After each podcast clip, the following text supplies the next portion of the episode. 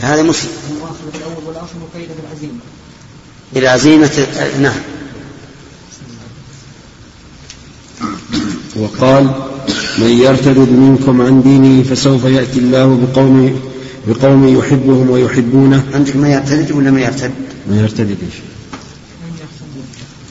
الآية في السورة هي آمنوا من يرتد منكم عن دينه نعم لكن فيها نسخة عندي نعم.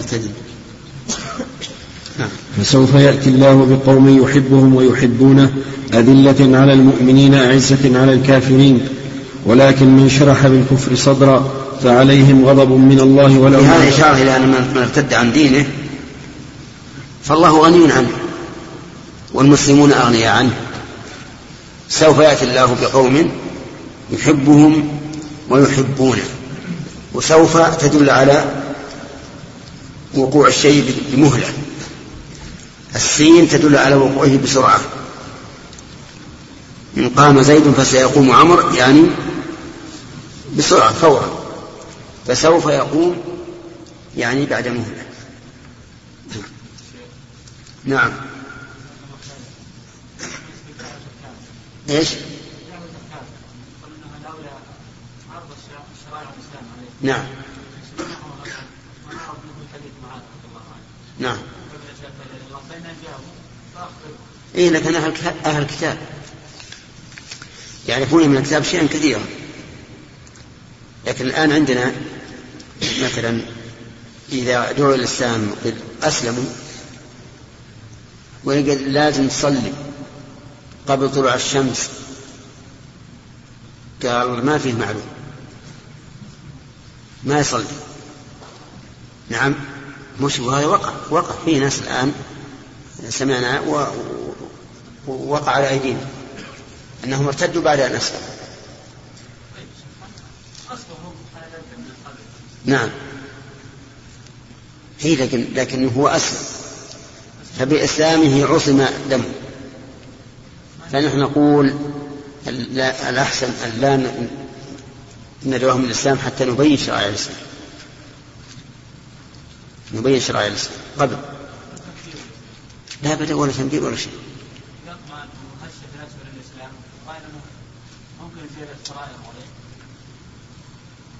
هي لك من المشكل إننا اذا إذا أسلم ثم قلنا يجب عليك أن تصلي خمس مرات.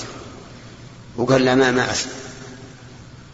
هذا يكون ارتداء إحنا رأفة به نبين له. يكون فيه صلاة في صيام في حج. نعم ربما مثل الختان مثلا.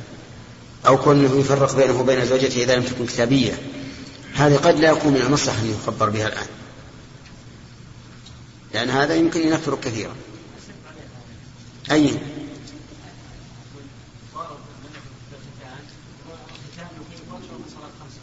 إيه إحنا نقول لا تخبره. مثل هذه المسائل اللي تخيفه كثيرا وهي من الأصول. يسكت عنها حتى يقوى إيمانه. نعم. هم يعرفون في عهد الرسول عليه الصلاة والسلام يعرفون لا المشركين اللي يعرفون أن المسلمين يفعلون كذا ولا أهل الكتاب. لكن عندنا الآن تجد مثلا في الهند لا يعرف شيئا. أو في أقصى آسيا أما الإنسان اللي عارف الإسلام وتعرف الإسلام كذا والإسلام كذا ويقول نعم. هذا ما في ما في إشكال. نعم. شيخ من هؤلاء القوم؟ نعم. هؤلاء القوم الذين يأتي الله بهم في حال الردة هل هم مسلمون أو غير مسلمون؟ لا مسلمون قطعا. يقول حبهم. لا يمكن يسلموا يا شيخ لأنه إذا ارتد المؤمن المسلمون من يأتي إلا غيرهم يأتي. يأتي له بقول يحبهم ويحبونه لكن لا يمكن أن تثبت المحبة إلا بعد الإسلام. وفي إشارة أيضا أن المرتد لا يحبه الله. نعم.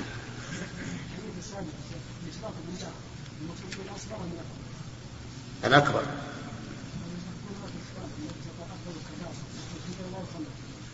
نعم. حتى الشرك الأصغر ما يخلد في النار. المشرك الشرك الأصغر لا يخلد في النار. الشرك الأكبر. الإشراك بالله. قال أن تجعل الله ندا وهو خلقك. حديث ابن مسعود. وكذلك الشرك الأصغر لا يخلد النار. ولكن من شرح بالكفر صدرا فعليهم غضب من الله ولهم عذاب عظيم. ذلك بأنهم استحبوا الحياة الدنيا على الآخرة وأن الله لا يهدي القوم الكافرين. أولئك الذين طبع الله على قلوبهم وسمعهم وأبصارهم وأولئك هم الغافلون. لا جرم. يقول حقا أنهم في الآخرة هم الخاسرون. إلى قوله ثم إن ربك من بعدها لغفور رحيم ولا يزالون يقاتلونكم حتى يردوكم. طيب. هذه الآية يقول ولكن من شرح بالكفر صدرا فعليهم غضب. هذه البخاري رحمه الله لو جاء بأوله لكان أوضح. من كفر بالله من بعد إيمانه إلا من أكره حتى يتبين أن هذا في مرتد من كفر بالله من بعد إيمانه إلا من أكره وقلبه مطمئن بالإيمان ولكن من شرح بالكفر صدرا فعليهم غضب. من الله. ولهم عذاب عظيم. لأن هؤلاء الذين شرحوا بالكفر صدرا. وإن أكرهوا في أول الأمر لكنهم اطمأنوا في آخر الأمر إلى الكفر. فلهذا لم يرفع إكراههم حكم الكفر عنهم. ثم قال فعليهم غضب من الله ولهم عذاب عظيم ذلك بأنهم أي بسبب. فالباء هنا للسببية بأنهم استحبوا الحياة الدنيا على الآخرة وأن الله لا يهدي القوم الظالمين فلكون الله تعالى لا يهدي القوم الظالمين الذين اتخذوا الظلم حياة لهم استحقوا هذا العذاب. الكافرين نعم الكافرين الذين اتخذوا الكفر حياة لهم لا يهديهم الله. أولئك الذين طبع الله على قلوبهم وسمعهم وأبصارهم وأولئك هم الغافلون. طبع على قلوبهم فلا تفقه ولا تعقل وسمعهم فلا يسمعون. ولو سمعوا ما استجابوا. وأبصارهم فلا يرون. ولو رأوا الآيات فهم عمي لا يهتدون بها. وأولئك هم الغافلون. وفي هذا إشارة إلى الحذر من الغفلة. الغفلة عن ذكر الله عز وجل. اجعل لك صلة مع الله. اجعل قلبك مع الله دائما. لأن الغفلة تميت القلب. لا جرم يقول حقا. يعني معنى لا جرم أي حقا. أنهم في الآخرة هم الخاسرون. أما في الدنيا فقد لا يخسرون لكن في الآخرة هم الخاسرون. وهذا كقوله والعصر إن الإنسان لفي خسر إلا الذين آمنوا وعملوا الصالحات. إلى قوله ثم إن ربك من بعدها غفور رحيم. الآية ما فيها ثم نقرأها. أنهم في الآخرة خاسرون إيش بعده؟ إلى قوله ثم إن ربك من بعدها الآية لا جرم أنهم أولئك نطب الله على قلوبهم وسمعهم وأبصارهم وأولئك هم الغافلون. لا جرم أنهم في الآخرة هم الخاسرون. ثم إن ربك. للذين هاجروا من بعد ما فتنوا ثم جاهدوا وصبروا إن ربك من بعدها لغفور رحيم. فلفظ الآية غير اللفظ الذي ساقه البخاري رحمه الله. لأن الآية ثم إن ربك للذين هاجروا من بعد ما فتنوا ثم جاهدوا وصبروا إن ربك من بعدها لغفور رحيم. وليست الآية كما ساقها البخاري ثم إن ربك من بعدها لغفور رحيم ولذلك عندي نسخة من إلى قوله لغفور رحيم. عندي نسخة هكذا. ها؟ كيف؟ أنا عندكم الآن. ما, ما أشار إليها؟ ها؟ إلى قوله إن ربك من بعدها الغفور رحيم. ما بث ثم؟ عندنا ثم لكن مشير إلى أنها محذوفة وأن صواب النسخة إلى قوله لغفور رحيم. يمكن بالحجر تكلم عليه تكلم. عليه إيه، وش قال يعني ثم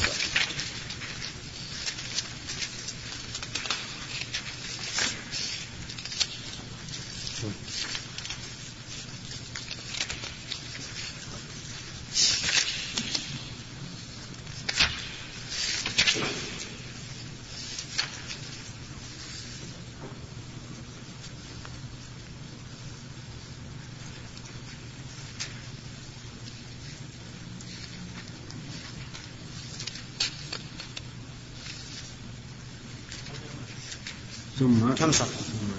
كم صفحة عندكم؟ نعم الفتح هو ابن حجر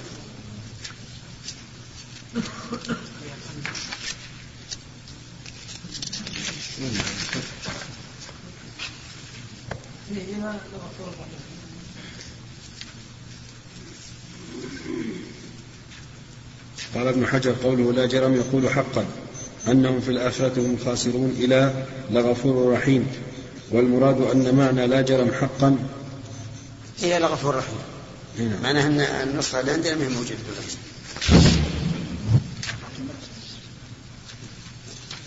نعم.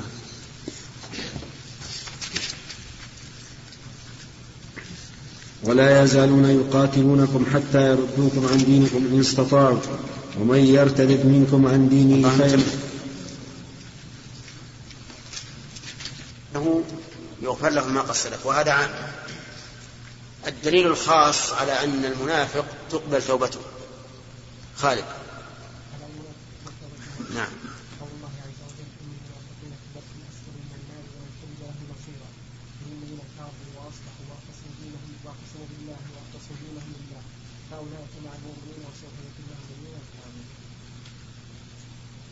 طيب الدليل على أن من سب الله واستهزأ به قبلت توبته. نعم. قوله تعالى.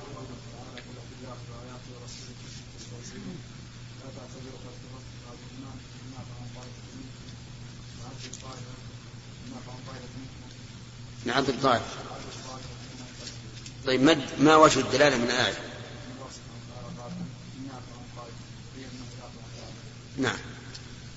ولا عفو إلا بعد قبول التوبة.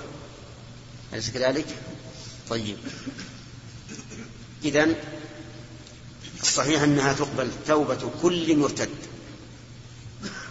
لكن من الناس من نتحرى في توبته ونتابعه ومن الناس من نأخذ بظاهر توبته ولا نتابعه طيب من سب الله ثم تاب فهل يقتل؟ نعم. نعم. وإن سب الرسول صلى الله عليه وآله وسلم. نعم. يقتل لحق الرسول عليه الصلاة والسلام. طيب هل إذا قتلنا ساب الرسول صلى الله عليه وآله وسلم هل نصلي عليه؟ نصلي عليه ونرسله وندفنه مع المسلمين وندعو له بالرحمة تمام. نصلي عليه ونعامله معاملة المسلم ويكون قتله كالحد. نعم. طيب. هذا هو القول الراجح في هذه المسائل. وقد علمتم دليله من القرآن. نبدأ الآن درس جديد. بسم الله الرحمن الرحيم. الحمد لله وصلى الله وسلم على رسول الله. قال البخاري رحمه الله تعالى قال الله تعالى ولا يزالون يقاتلونكم حتى يردوكم عن دينكم إن استطاعوا ومن يرتد منكم عن دينه في فيمت وهو كافر فأولئك حبطت أعمالهم في الدنيا والآخرة وأولئك أصحاب النار هم فيها خالدون. قوله لا يزالون يقاتلونكم يعني الكفار لا يزالون يقاتلون المسلمين حتى يردوكم عن دينكم لأن هذا هو غايتهم. هم لا يريدون المال إنما يريدون أن يصدون عن, عن دين الله. ولكنه قال إن استطاعوا. وهذا إشارة إلى أن المؤمن لن يرتد عن دينه ولن يستطيع الكافر أن يرده عن دينه وهذا بالنسبة للمؤمن الحق. أما المؤمن المهلهل فهذا كل شيء يجترك. كما قال تعالى ومن الناس من يعبد الله على حرف فإن أصابه خير اطمأن به. وإن أصابته فتنة انقلب على وجهه. يعني إن لم يكن إن لم يأتي أحد يزلزله أو يصده فهو مطمئن. وإن أتاه أحد يلبس عليه أدنى تلبيس انقلب على وجهه والعياذ بالله خسر الدنيا والآخرة. طيب. وقوله ومن يرتد منكم عن دينه فيموت وهو كافر إلى آخره. هذه الآية تقيد جميع الآيات التي فيها أن الردة تحبط العمل. مثل قوله تعالى ولقد أوحي إليك وإلى الذين من قبلك لئن أشركت ليحبطن عملك. ومثل قوله تعالى ولو أشركوا لحبط عنهم ما كانوا يعملون. فالآيات العامة أو المطلقة تقيدها إيش؟ في هذه الآية. ومفهومها أنه إن لم يمت على الكفر فإن عمله لا يحبط وهو كذلك. حتى أوصافه السنية التي نالها قبل ردته ترجع عليه مثل الصحبة النبوية. فالصاحب الصحابي لو ارتد ثم رجع إلى الإسلام عادت صحبته وكان من الصحابة. وقوله أولئك أصحاب النار هم فيها خالدون فيها إشارة إلى أن من مات على الردة والعياذ بالله فإنه لا يرجى له أن يدخل الجنة بل هو من أصحاب النار الملازمين لها المخلدين فيها نعم فهم.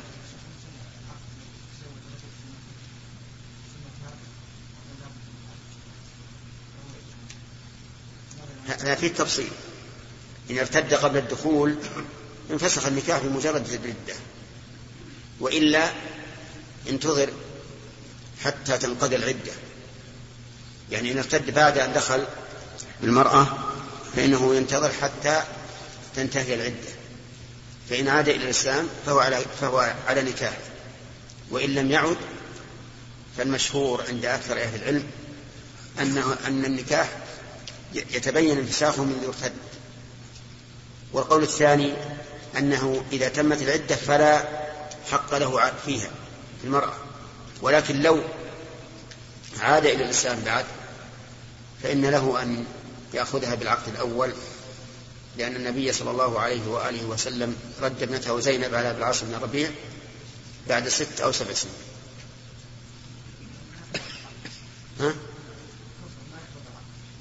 لا. بمجرد إلا على التفصيل الذي قلت لك. نعم.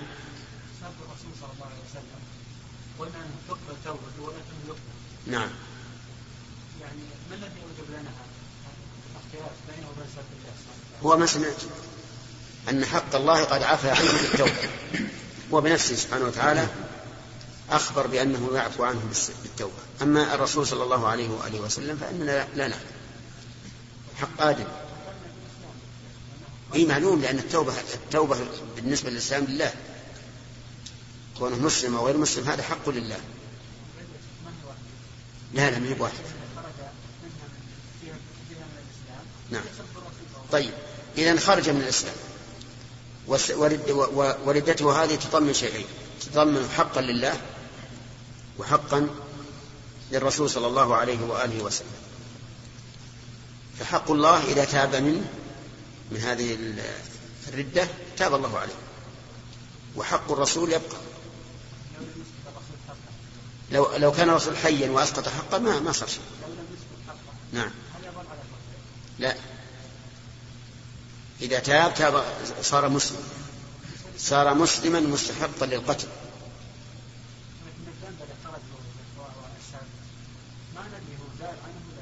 هو ما قلنا أن يتضمن شيئين.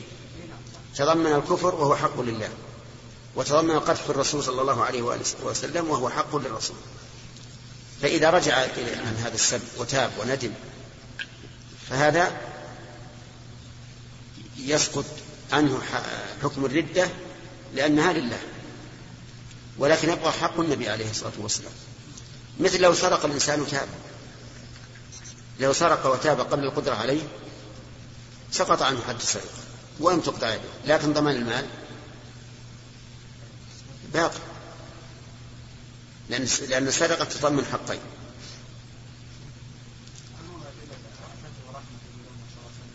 ما ندري. ما هو عبد ما هو الرسول عليه عليه الصلاة والسلام لما كلم عن عبد الله بن خطل وهو متعلق بأسر الكعبة قال اقتلوه. نعم؟ يمكن أقوال العلماء كثيرة. يمكن من يقول المذهب كما سمعت. لا تقبل توبته لا بحق الله ولا بحق الرسول. ويمكن أحد يقول لا تقبل بحق الله وحق الرسول ولا ولا يقتل.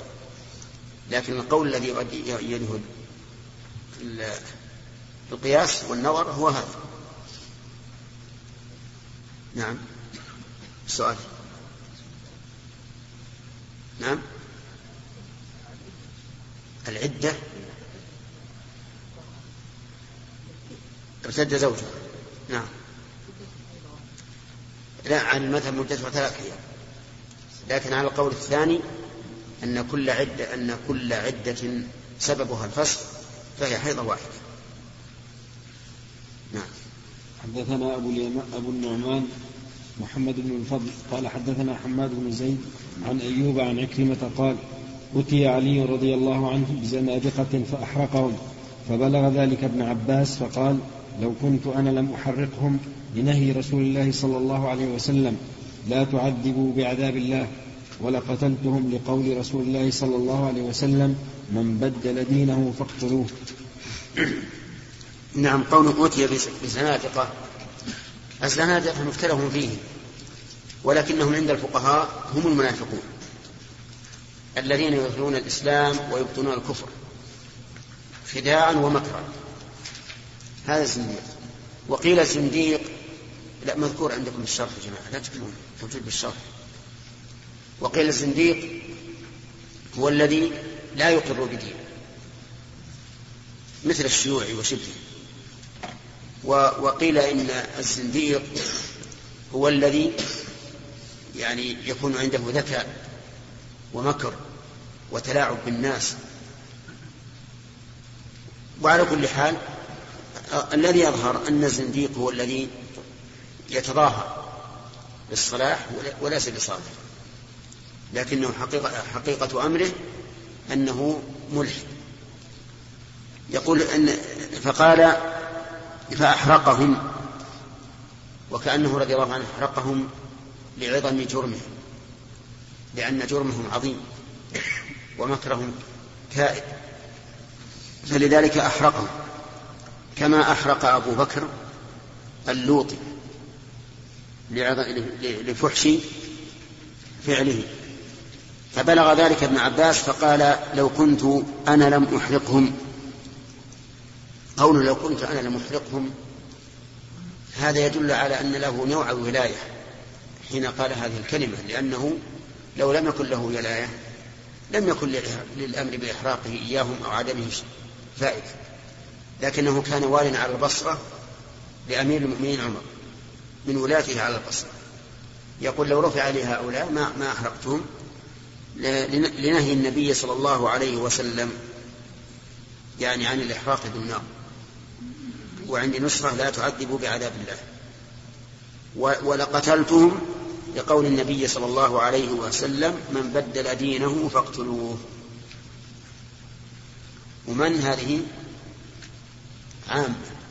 من بدل دينه. ومعنى بدل دينه؟ ليس معناه أنه غير الدين الدين الذي هو عليه لأنه لا يمكن أن يغير الدين الذي هو عليه. فالمرتد إذا ارتد يبقى الإسلام على ما هو عليه. لكن بدل دينه يعني استبدل به غيره.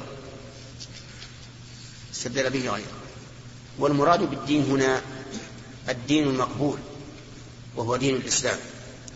أما غير المقبول كيهودي تنصر أو نصراني تهود فلا يدخل في هذا الحديث. نعم. في نعم. عندك بحث يا علي؟ الحديث نفسه؟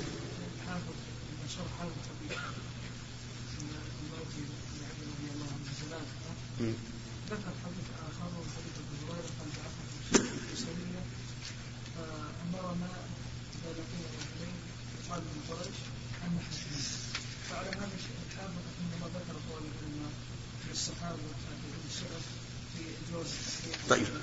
هذا يقرأه أعظم الصلاة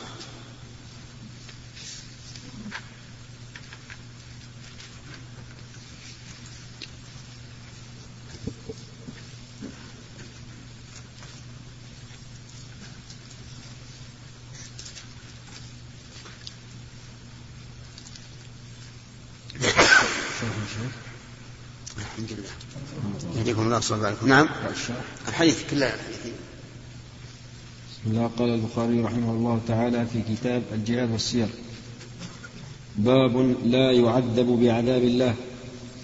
حدثنا قتيبة بن سعيد قال حدثنا الليث عن بكير عن سليمان بن يسار عن أبي هريرة رضي الله عنه أنه قال بعثنا رسول الله صلى الله عليه وسلم في بعث فقال إن وجدتم فلانا وفلانا فأحرقوهما بالنار.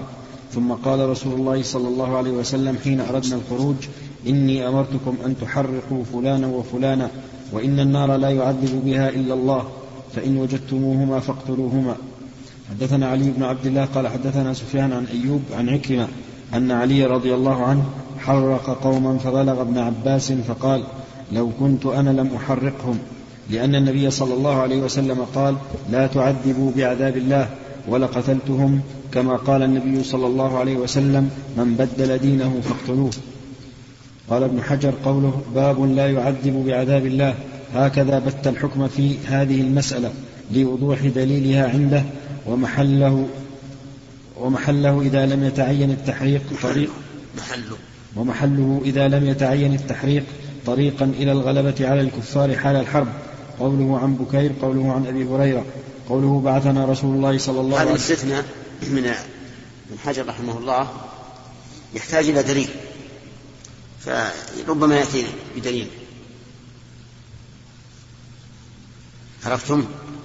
لأن استثنى ما إذا كان لا يمكن الوصول إلى قتل الكفار إلا بالإحراق. وفي وقت الحاضر في قنابل حارقة ترسل على المقاتلين تحرقهم. فكأنه استثنى هذا لكنه يحتاج إلى دليل ولننظر لعله يذكر الدليل. قوله بعثنا رسول الله صلى الله عليه وسلم في بعث فقال إن وجدتم فلانا وفلانا زاد الترمذي عن قتيبة بهذا الإسناد رجلين من قريش وفي رواية ابن إسحاق بعث رسول الله صلى الله عليه وسلم سرية أنا فيها. قلت وكان أمير وكان أمير السرية المذكورة حمزة بن عمرو الأسلمي أخرجه أبو داود من طريقه بإسناد صحيح لكن قال في روايته إن وجدتم فلانا فأحرقوه بالنار هكذا بالإفراد. وكذلك رويناه في فوائد علي بن حرب عن ابن عيينة عن عن ابن أبي نجيح مرسلا وسماه هبار بن الأسود وسماه هبار بن الأسود. ووقع في رواية ابن إسحاق إن وجدتم هبار بن الأسود والرجل الذي سبق منه إلى زينب ما سبق فحرقوهما بالنار. يعني زينب بنت رسول الله صلى الله عليه وسلم وكان زوجها أبو العاص بن الربيع لما أسره الصحابة ثم أطلقه النبي صلى الله عليه وسلم من المدينة شرط عليه أن يجهز له لبنته زينب فجهزها فتبعها هبار بن الأسود ورفيقه فنخسا بعيرها فأسقطت ومرضت من ذلك والقصة مشهورة عند ابن إسحاق وغيره. وقال في روايته وكان نخسا بزينب بنت رسول الله صلى الله عليه وسلم حين خرجت من مكة. وقد أخرجه سعيد بن منصور عن ابن عيينة عن ابن عيينة عن ابن أبي نجيح أن هبار بن الأسود أصاب زينب بنت رسول الله صلى الله عليه وسلم بشيء وهي في خدرها فأسقطت. فبعث رسول الله صلى الله عليه وسلم سرية فقال إن وجدتموه فاجعلوه بين حزمتي حطب ثم أشعلوا فيه النار. ثم قال إني لأستحيي من الله لا ينبغي لأحد أن يعذب بعذاب الله. الحديث. فكأن إفراد هبار بالذكر لكونه كان الأصل في ذلك والآخر كان تبعا له. وسمى ابن السكن في روايته من طريق ابن إسحاق الرجل الآخر نافع بن عبد القيس وبه جزم ابن هشام في زوائد السيرة عليه. وحكى السهيلي عن مسند البزار أنه خالد ابن عبد, ابن عبد قيس فلعله تصحف عليه وإنما هو نافع كذلك هو في النسخ المعتمدة من مسند البزار. وكذلك أورده ابن بشكوال من مسند البزار وأخرجه محمد بن عثمان ابن أبي شيبة في تاريخه من طريق ابن لهيعة كذلك. قلت وقد أسلم هبار هذا ففي روايته ففي رواية ابن أبي نجيح المذكورة فلم تصبه السرية وأصابه الإسلام. فهاجر. فذكر قصة إسلامه.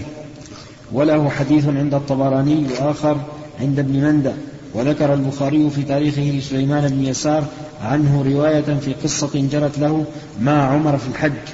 وعاش هبار هذا إلى, خلف إلى خلافة معاوية وهو بفتح الهاء وتشديد الموحدة. ولم أقف لرفيقه على ذكر في الصحابة فلعله مات قبل أن يسلم. قوله ثم قال رسول الله صلى الله عليه وسلم حين أردنا الخروج في رواية ابن إسحاق حتى إذا كان من الغد وفي رواية عمرو بن الحارث فأتيناه نودعه حين أردنا الخروج وفي رواية ابن لهيعة فلما ودعنا فلما ودعنا وفي رواية حمزة الأسلمي فوليت فوليت فناداني فرجعت.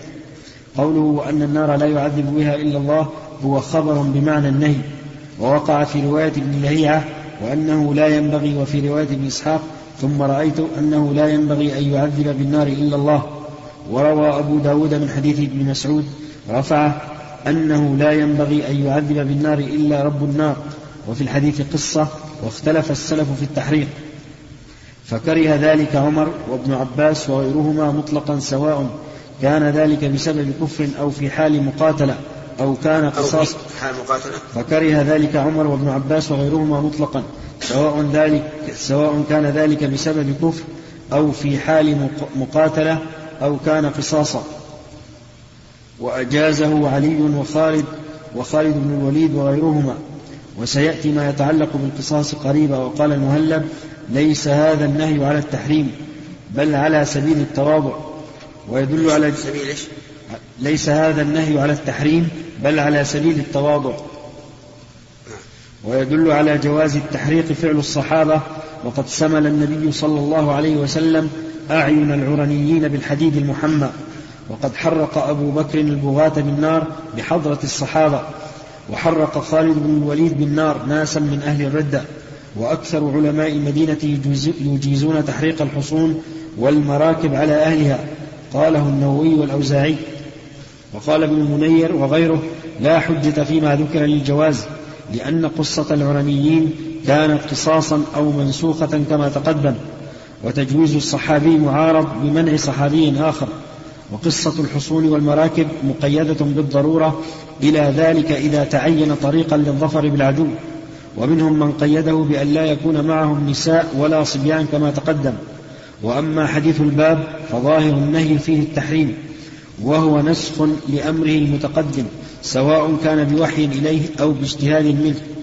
وهو محمول على من قصد إلى ذلك في شخص بعينه وقد اختلف في مذهب ما وقد اختلف في مذهب مالك في أصل المسألة وفي التدخين وفي القصاص بالنار. وفي الحديث وفي الحديث جواز الحكم بالشيء اجتهادا ثم الرجوع عنه واستحباب ذكر الدليل عند الحكم لرفع الإلباس والاستنابة في الحدود ونحوها. وأن طول الزمان لا يرفع العقوبة عمن يستحقها. وفيه كراهة قتل مثل البرغوث بالنار.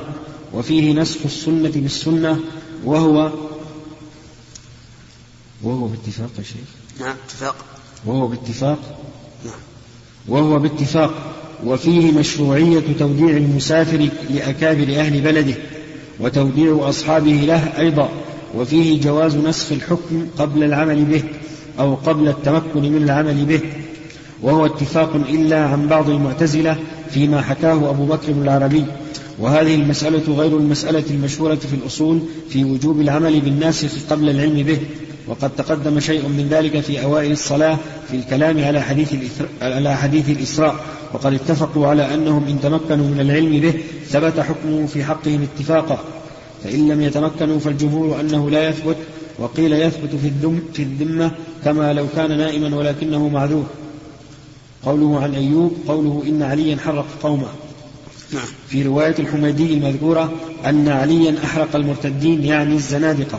وفي رواية ابن أبي عمر ومحمد بن عباد عند الإسماعيلي جميعا عن سفيان قال رأيت عمرو بن دينار وأيوب وعمارا الدهني اجتمعوا فتذكروا الذين حرقهم علي. فقال أيوب فذكر الحديث. فقال عمار لم يحرقهم ولكن حفر لهم حفائر وخرق بعضها إلى بعض ثم دخن عليهم فقال عمرو بن دينار قال الشاعر لترم بي لترم لترمي نعم. لترم بي المنايا إيش؟ لترمي بي المنايا حيث شاءت إيش؟ لترمي نعم. بي المنايا حيث شاءت إذا لم ترم بي في الحفرتين إذا ما أججوا حطبا ونارا هناك الموت نقدا غير دين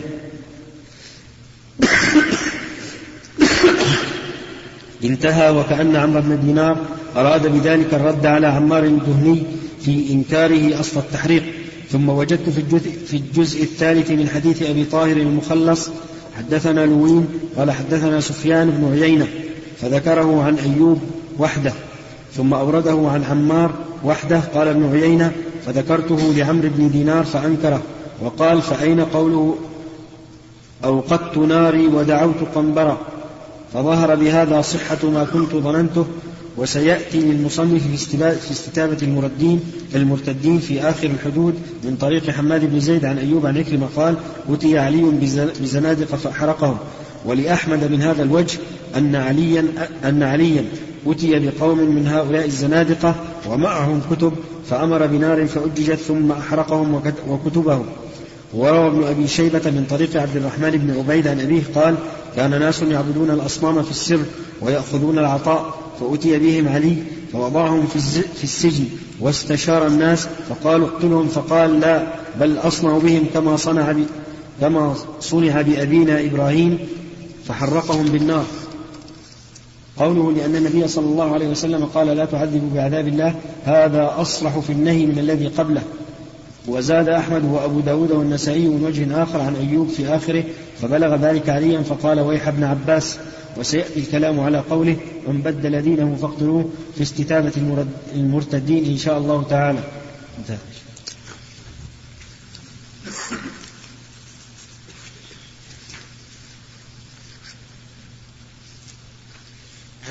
أن يظهر أن الأحوط ترك ترك الإحراق بالنار هذا هو الأحوط لأنه ظاهر النص وقوله لا ينبغي أو استحييت أو ما أشبه ذلك لا يمنع أن يكون هذا على سبيل التحريم.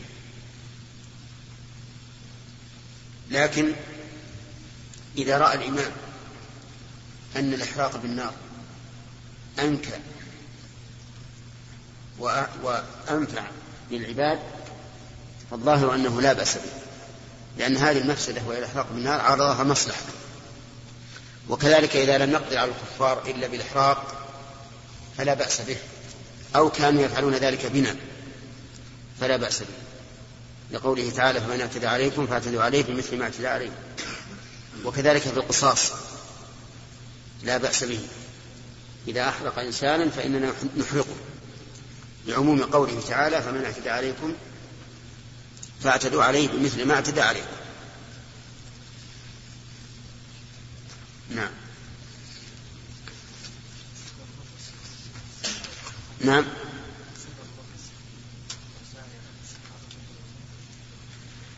أما سب الصحابة عموما فلا شك أنهم كفر. بل قال بعض العلماء لا شك في كفر من شك في كفره.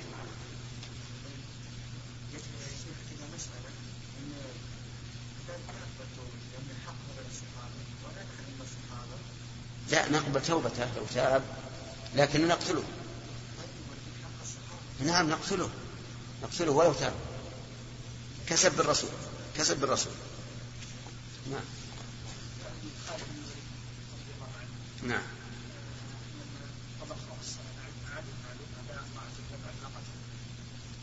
لا بعد القتل غير. بعد القتل غير. يعني التنكيل بين بعد القتل إذا كانوا يفعلون هذا بنا وإلا فلا يجوز التمثيل التمثيل بالعدو نهى عنه النبي صلى الله عليه وآله وسلم. نعم؟ هو في قتل راجع كتاب الصارم المسلول يتبين لك. حدثنا مسدد قال حدثنا يحيى عن قرة عن قرة بن خالد قال حدثني حميد بن هلال قال حدثنا أبو بردة عن أبي موسى قال أقبلت إلى رسول الله صلى الله عليه وسلم ومعي رجلان من الأشعريين أحدهما عن يميني والآخر عن يساري ورسول الله صلى الله عليه وسلم يستاك فكلا فكلاهما سأل فقال يا أبا موسى أو يا عبد الله بن قيس؟ قال قلت والذي بعثك بالحق ما أطلعان على ما في أنفسهما. وما شعرت أنهما يطلبان العمل فكأني أنظر إلى سواكه تحت شفته قلصت فقال لن أولا أو لا نستعمل على عملنا من أراده لكن اذهب أنت يا أبا موسى أو يا عبد الله بن قيس إلى اليمن ثم ثم اتبعه معاذ بن جبل. فلما قدم عليه ألقى له وسادة قال انزل فإذا رجل عنده موثق. قال ما هذا؟ قال كان يهوديا فأسلم ثم تهود. قال اجلس. قال لا أجلس حتى يقتل قضاء الله ورسوله. ثلاث مرات فأمر به فقتل ثم تذاكر قيام الليل فقال أحدهما أما أنا فأقوم وأنام وأرجو في نومتي ما أرجو في قومتي. في هذا الحديث دليل على أن أنه لا يستتاب المرتد وقد سبق لنا ذكر الخلاف في هذه المسألة وأن القول الراجح أن الاستتابة ليست واجبة ولا ممنوعة. وأنها ترجع إلى إلى اجتهاد الإمام. فإذا رأى المصلحة في الاستتابة استتاب المرتد. وإن رأى أن المصلحة في عدم استتابته لم يستتب. وفي قول أحدهما إني لأرجو في نومتي ما أرجو في قومتي دليل على أن ما أعان على الطاعة فهو طاعة. لأن النوم يعين على القيام. فما أعان على الطاعة فهو طاعة. ولأن النوم ثم القيام هو هدي النبي صلى الله عليه وآله وسلم وهو الذي قال أما أنا فأقوم وأنام ومن رغب عن سنتي فليس مني.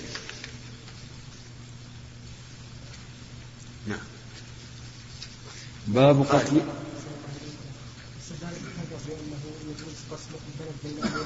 إيش؟ استدلال ابن حجر بانه يجوز البلد بين اميرين الحديث صحيح قتل إيش؟ تقسيم البلد بين اميرين استدلال ابن حجر نعم في هذا الحديث على انه يجوز فصل البلد بين اميرين يعني أن تكون الاماره اثنين هنا صحيح هو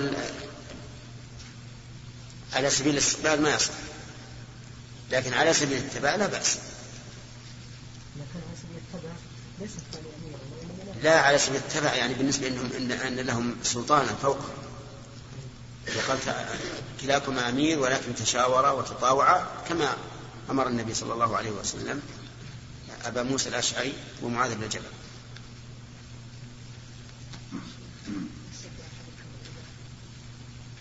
لا.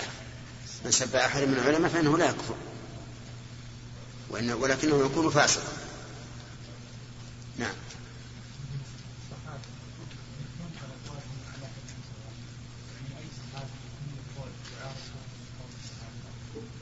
لا إذا تعارض قول صحابيين فإنه يطلب الترجيح.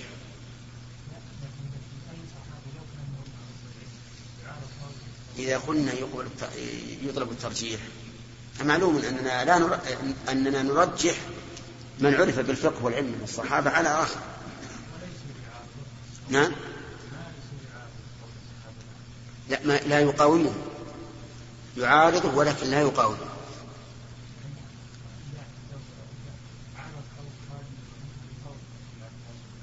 نعم. علي بن أبي طالب.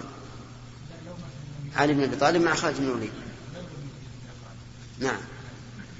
يطلب الترجيح يطلب الترجيح فإذا طلب الترجيح قلنا أن ابن عباس أفقه من خالد.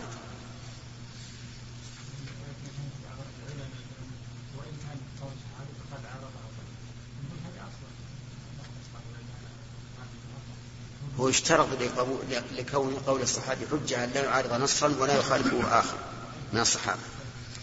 فإن عرض النص رد وإن خلفه آخر طلب طلب الترجيح. والمرجحات كثيرة نعم باب قتل من أبى قبول الفرائض وما نسبوا إلى الردة. حدثنا يحيى بن بكير قال حدثنا الليث عن عقيل عن ابن شهاب قال أخبرني عبيد الله بن عبد الله بن عتبة أن أبا هريرة قال لما توفي النبي صلى الله عليه وسلم واستخلف أبو بكر وكفر من كفر من العرب قال عمر يا أبا بكر كيف تقاتل الناس وقد قال رسول الله صلى الله عليه وسلم أمرت أن أقاتل